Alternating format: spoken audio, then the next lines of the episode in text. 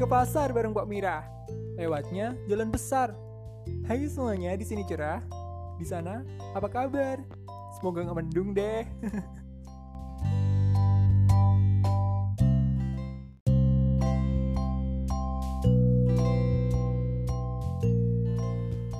Udah lama banget nih nggak ngobrol bareng kalian Gila sibuk banget Ella Sibuk scroll, makan goleran Scroll, makan goleran Ya nggak apa-apa. Sok sibuk aja dulu. Soalnya kan dengan adanya wabah pandemi ini Kita tuh kayak yang bener-bener kehilangan kesibukan gak sih? Jadi kayak yang Hmm ya nggak apa-apa lah buat ngisi-ngisi waktu luang. Nah buat kalian-kalian yang bosen Makanya dengerin aja podcastnya cerah. Siapa tahu habis dengerin podcastnya cerah tuh jadi kayak yang oh ternyata banyak ya hal yang masih bisa dilakuin event di rumah aja. Ciela. Tapi jujur sih cerah sendiri ini bosen banget udah hampir dua bulan cerah di rumah aja itu kayak yang kehilangan semua rutinitas kayak yang jadi kangen gitu sama hal-hal yang biasa dilakuin. Kalau kalian hal apa yang paling kalian kangenin karena adanya wabah pandemi ini? Jujur sih kalau cerah kangen banget sama nongkrong atau ngumpul-ngumpul bareng teman-teman. Soalnya dengan nongkrong atau ngumpul bareng teman-teman itu kayak yang healing aja gitu loh ya gak sih? Kayak yang lepas penat gitu dengan kita berbagi keluh kesah cila termehek-mehek banget keluh kesah. Maksudnya tuh dengan kayak yang kita ngomong aduh hari ini capek banget sih aduh hari ini tuh tugasnya susah banget sih. Itu tuh bener-bener kayak yang ngurangin beban kita ya gak sih? Padahal meskipun nongkrong itu cuman hahaha doang ngomongin gak jelas itu kayak yang udah apa ya ngilangin beban kita kayak yang bikin jadi plong gitu ya nggak sih?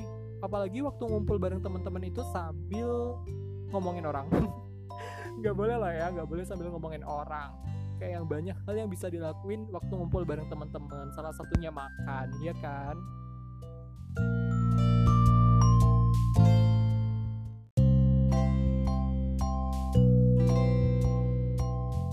Nah, ngomong-ngomong soal ngumpul sama makan nih, ada satu kebiasaan orang tentang makan yang paling cerah nggak suka. Jadi cerah itu paling nggak suka sama orang yang nggak ngabisin makanannya. Aduh, itu bener-bener gemes banget. Itu bener-bener pengen negor, pengen yang kayak yang itu kenapa? Kamu tuh kenapa nggak ngabisin makanannya? Itu kenapa nggak dihabisin gitu kan? Padahal juga udah tahu sih alasannya kalau nggak, aduh ini kenyang nih, aduh tadi ngambilnya kebanyakan, aduh tiba-tiba nggak mood nih, aduh masakannya nggak enak. Tapi ya gimana pun, itu tetap sebel aja gitu ngelihatnya. Apalagi kalau kalian pernah dengar kata-kata ini nih, eh nasinya dihabisin ya, soalnya nanti kalau nggak dihabisin nanti nasinya nangis. Ya nggak pernah denger nggak?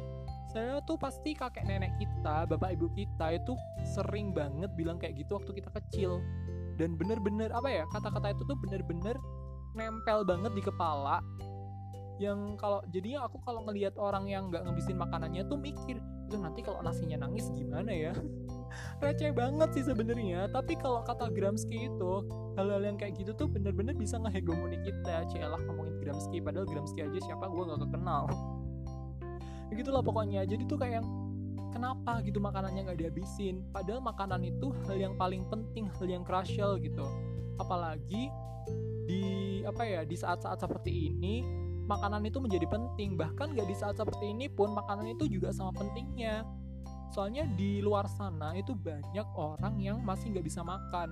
Ada salah satu negara di Afrika yang orang-orangnya itu cuman apa ya mengandalkan lumpur kering untuk dimakan. Jadi bener-bener ngejemur lumpur kayak yang dibentuk lempengan-lempengan gitu. Nanti kalau kering nggak bisa dicemilin kayak rengginang. Nah giliran kita yang udah bisa makan enak pakai nasi pakai sayur pakai lauk yang gurih-gurih. Itu kenapa nggak dihabisin? Sebenarnya punya masalah apa sih Munaro? Waduh kayak uh, gemes banget. Iya nggak sih?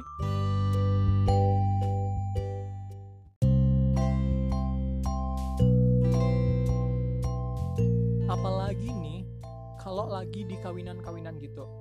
Kan biasanya makannya prasmanan kan jadi tuh tinggal comot-comot makan comot-comot makan gitu kan.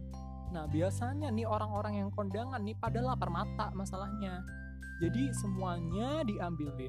Padahal yang dimakan tuh cuma tiga sendok doang habis itu ditaro ya nggak mungkin kan sama wo nya itu dikembalikan lagi di tempat-tempatnya nggak mungkin pasti dibuang kan. Itu udah berapa kilo tuh yang kebuang? Belum lagi di restoran-restoran. Kayak yang kita pesen habis itu nggak dihabisin nah bayangin aja nih kalau misalkan kita sehari makan tuh tiga kali kan normalnya nah dalam sekali makan paling nggak ngebuang tiga sendok lah berarti dalam sehari ngebuang udah 9 sendok nasi Nah, itu satu bulan udah berapa nasi yang kita buang? Satu tahun berapa nasi? Udah berapa kilo nasi itu yang kita buang? Itu masih nasinya doang loh. Belum sayurnya, belum lauk-lauknya, belum bumbu-bumbunya. Iya nggak? Itu kenapa kita ngebuang-buang padahal di saat kita ngebuang-ngebuang itu masih banyak orang yang nggak bisa makan. Gila, jahat banget loh demi apa pun.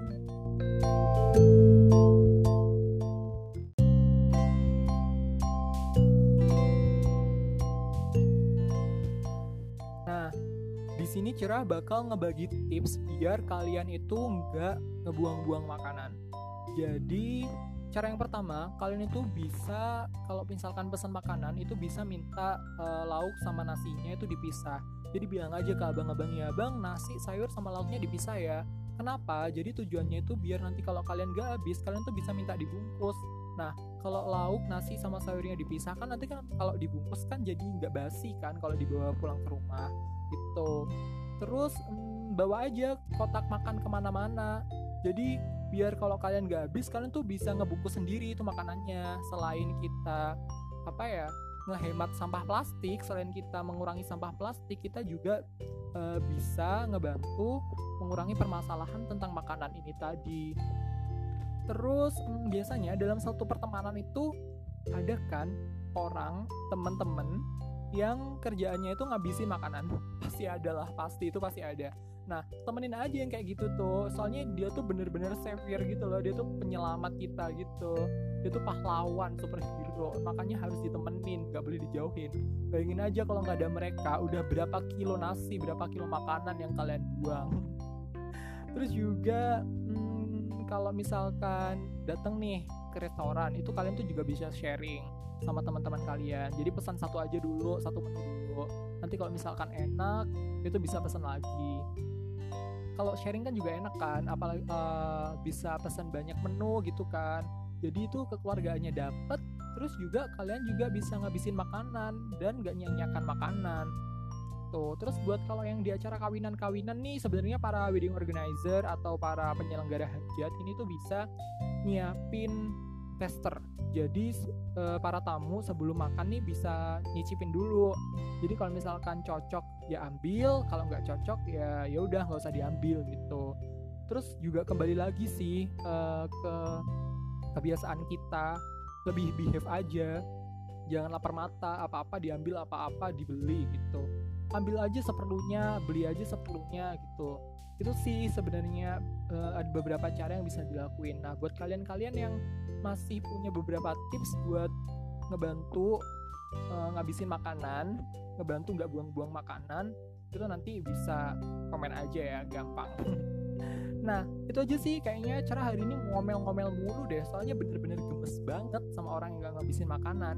Jadi semoga dengan adanya podcast ini nanti kalian udah nggak ngebuang ngebuang makanan lagi, udah nggak nyanyiin makanan lagi. Soalnya food insecurity itu bener-bener ada gitu kalau kalian ngebuang-buang makanan kalian tuh bener-bener kayak jadi penjahat. Soalnya kalian tuh kayak yang ngambil hak orang lain padahal bisa orang lain manfaatkan tapi kalian sia-siakan.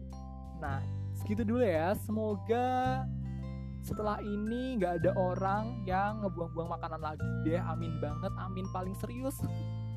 Ya udah deh sekian dulu. Terima kasih. Dadah